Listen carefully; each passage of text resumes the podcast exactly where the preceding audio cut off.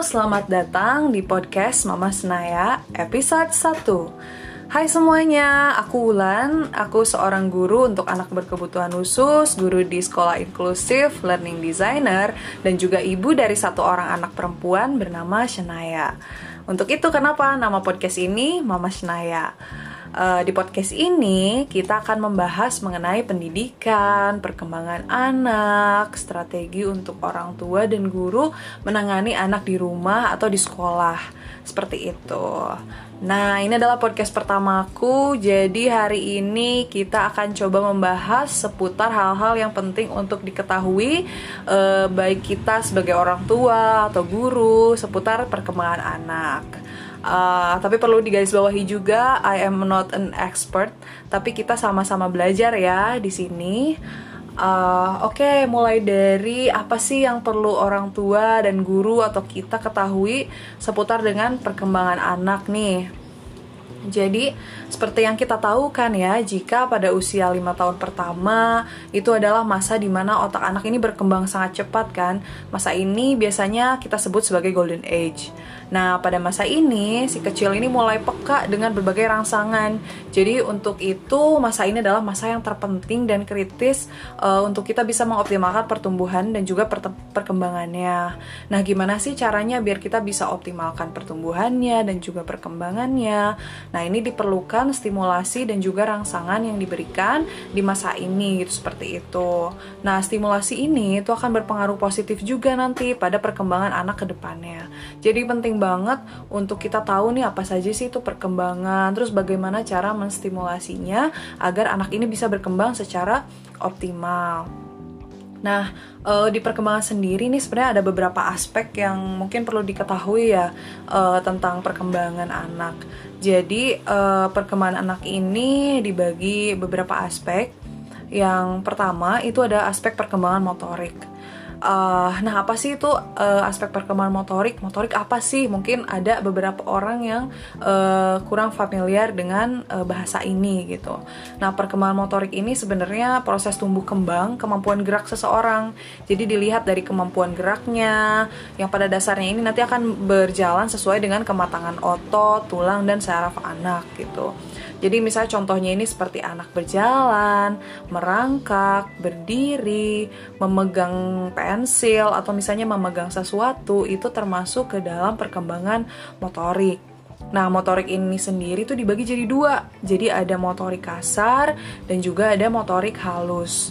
Nah, motorik kasar ini apa? Motorik kasar ini biasanya yang melibatkan otot-otot besar, seperti misalnya melompat, berlari, berjalan, seperti itu. Nah, kalau maksudnya motorik halus itu apa?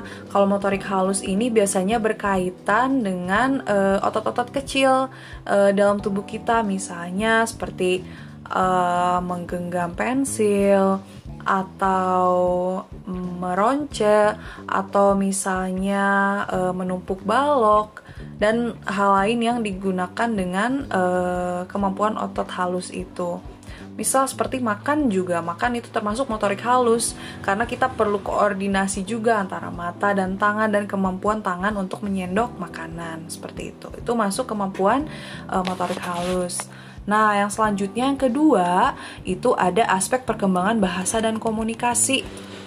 Nah, uh, fakta yang menarik juga jika perkembangan ini adalah perkembangan yang paling sulit uh, maksudnya itu adalah perkembangan bahasa ini kan perlu di ajari gitu, perlu dikembangkan karena jika dibiarkan saja mungkin akan terjadi delay atau terjadi hambatan perkembangan untuk si aspek perkembangan bahasa dan komunikasi ini. Jadi aspek yang kedua itu tadi perkembangan bahasa dan komunikasi uh, perkembangan bahasa ini sangat penting uh, sebagai bagian dari tahapan perkembangan anak. Nah, kemampuan ini tuh nanti akan mendorong uh, kemampuan anak untuk dapat berkomunikasi, mengekspresikan perasaannya, terus uh, hal apa yang diinginkannya dan juga mengerti apa yang disampaikan oleh orang lain gitu. Ini tuh penting banget uh, karena sejauh ini yang uh, aku lihat juga saat ini banyak sekali anak-anak yang mengalami hambatan perkembangan bahasa karena banyak faktor juga gitu. Kalau orang biasanya bilangnya sebagai speech delay gitu. Ini banyak faktornya sih yang mungkin nanti kan akan kita bahas uh, satu segmen khusus.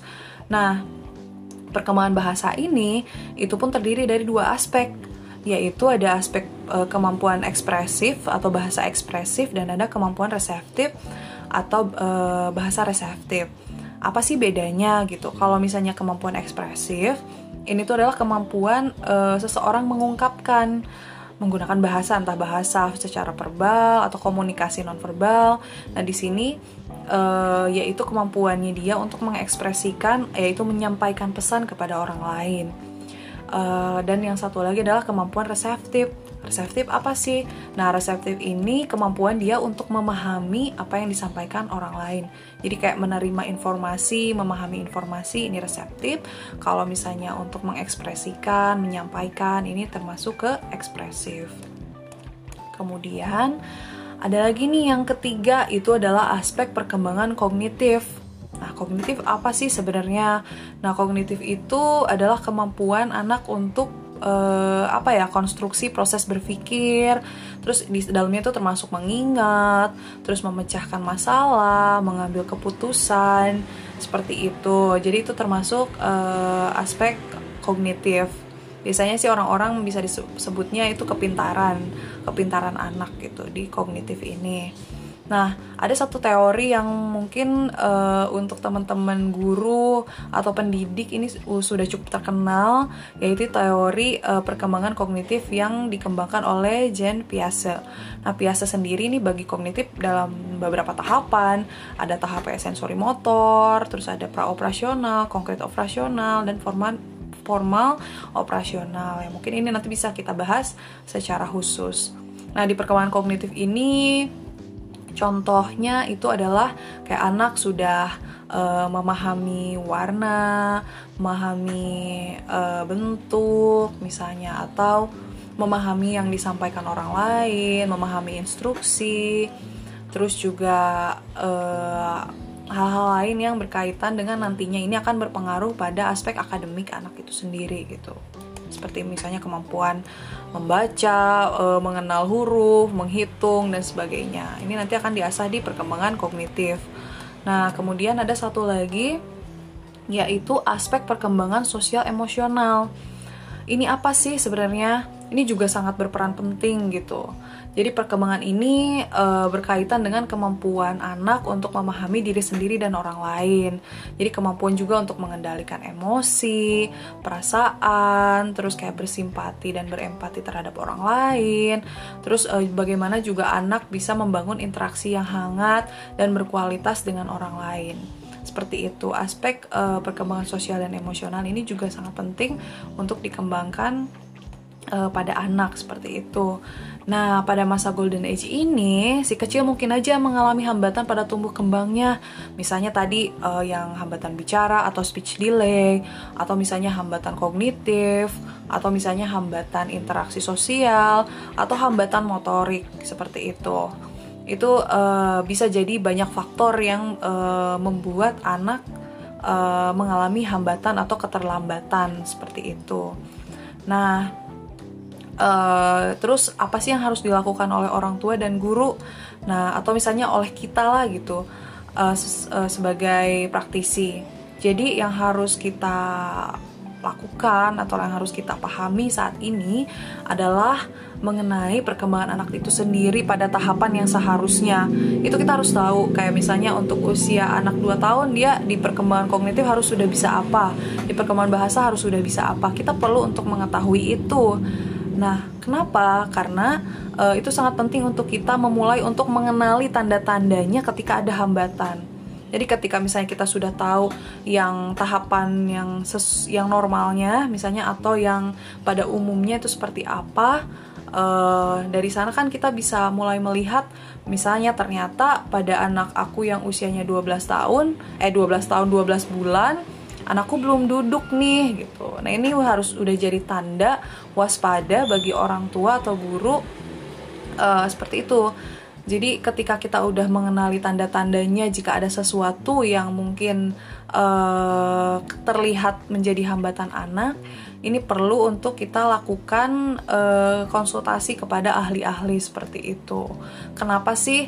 Jadi karena uh, sesegera mungkin hambatan ini ditangani, maka anak ini juga perkembangannya akan semakin baik ke depannya begitu. Jadi perlu banget untuk dilakukan namanya itu deteksi dini dan juga uh, stimulasi atau intervensi dini. Semakin kecil usia anak diketahui hambatannya, maka semakin besar juga nanti uh, perkembangannya, kesempatan untuk anak ini dapat berkembang dengan baik gitu. Apabila misalnya kita terlambat untuk melihat tanda-tanda ini, dikhawatirkannya nanti ini akan menghambat perkembangan-perkembangan lain ke depannya seperti itu.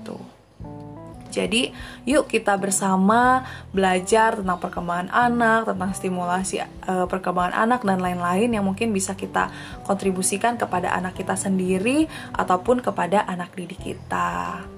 Mungkin uh, itu podcast uh, yang pertama dari aku Mama Senaya tentang uh, perkembangan anak. Tolong uh, sampaikan feedbacknya ya jika ada masukan, saran, komentar tentang uh, yang aku sampaikan gitu. Uh, sekali lagi aku sampaikan that I am not an expert but we have uh, to learn together ya. Jadi kita uh, belajar bareng-bareng di sini. Kalau misalnya teman-teman punya apa ya hal yang baru seputar perkembangan anak ini, yuk sampaikan di sini kita bahas bersama-sama. Oke, sekian dari Mama Shnaya. Sampai bertemu lagi di podcast berikutnya. Terima kasih banyak.